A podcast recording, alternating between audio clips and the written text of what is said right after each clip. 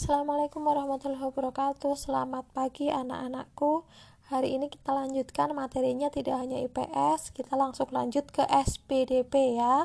Bagi yang belum me mendengarkan materi IPS tadi Silahkan ke materi IPS dahulu baru SPDP nya yang punya LKS silahkan dibuka LKS-nya halaman 104 kompetensi dasarnya masih 3.1 yakni memahami gambar cerita kalau kemarin kita membahas gambar cerita berupa gambar ilustrasi dan juga cover buku, hari ini kita akan membahas gambar cerita berupa komik.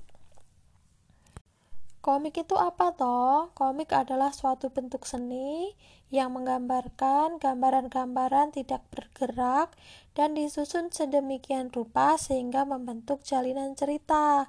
Komik ini biasanya uh, dicetak dalam media cetak ya lalu ada juga gelembung-gelembung bicaranya yang di atas gelembungnya itu ada teks yang diceritakan atau dibicarakan tokoh-tokoh dalam komik.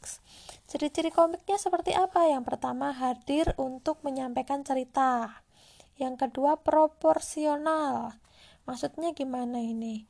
Jadi, keberadaan gambar dan teks yang berimbang membuat pembaca komik seakan-akan melihat dan berperan langsung ke dalam cerita, seolah-olah bisa melihat ceritanya itu bergerak, padahal itu hanya berupa gambar. Itu disebut proporsional.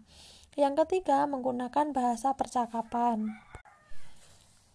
Bahasa yang digunakan adalah bahasa sehari-hari yang mudah dipahami. Nah, biasanya percakapannya itu ditulis di dalam gelembung-gelembung bicara gitu ya. Ada bulat-bulat lalu ditulis apa percakapannya.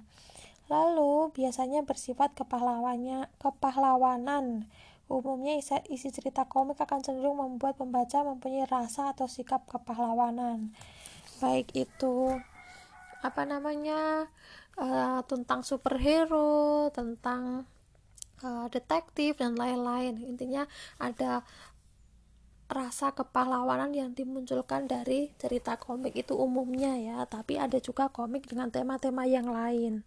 Yang kelima penggambaran watak secara sederhana Ya, penggambaran watak dalam komik dibuat secara sederhana agar pembaca mudah memahami isi cerita dan menangkap pesan yang akan disampaikan dalam cerita. Dan juga bersifat humor. Ada beberapa uh, komik ya yang lucu ya membuat pembacanya itu tertawa terbahak-bahak.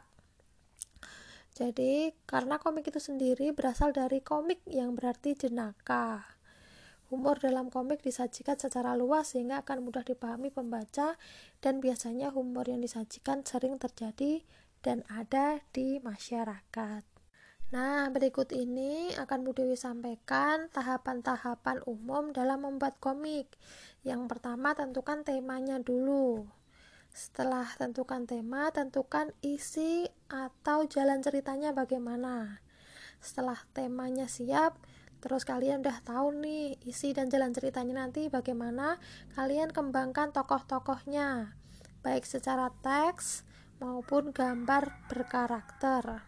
Ada tokohnya, ada sifatnya nanti dia tokoh itu akan uh, menyampaikan uh, teks atau percakapan seperti apa itu kalian pikirkan juga.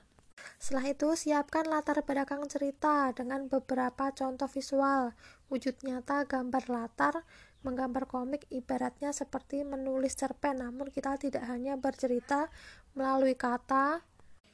Yang kelima, buat plot atau alur cerita komik, urut-urutan peristiwa yang membentuk jalinan cerita, lalu ciptakan konflik.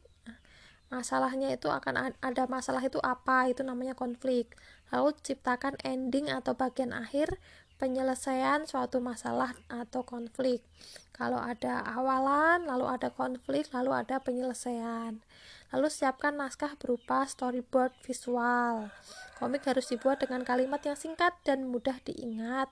Mengapa? Karena teks yang dapat disematkan dalam komik terhitung cukup, terbatas. Gambar akan mendominasi komik. Untuk itu pilihlah kata-kata yang singkat namun cukup jelas.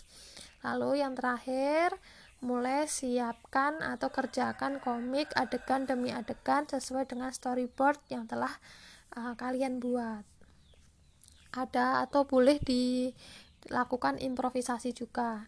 Nah anak-anak itu tadi materi SPDP sudah selesai. Berarti tema 1 besok hari Senin kita akan ulangan harian.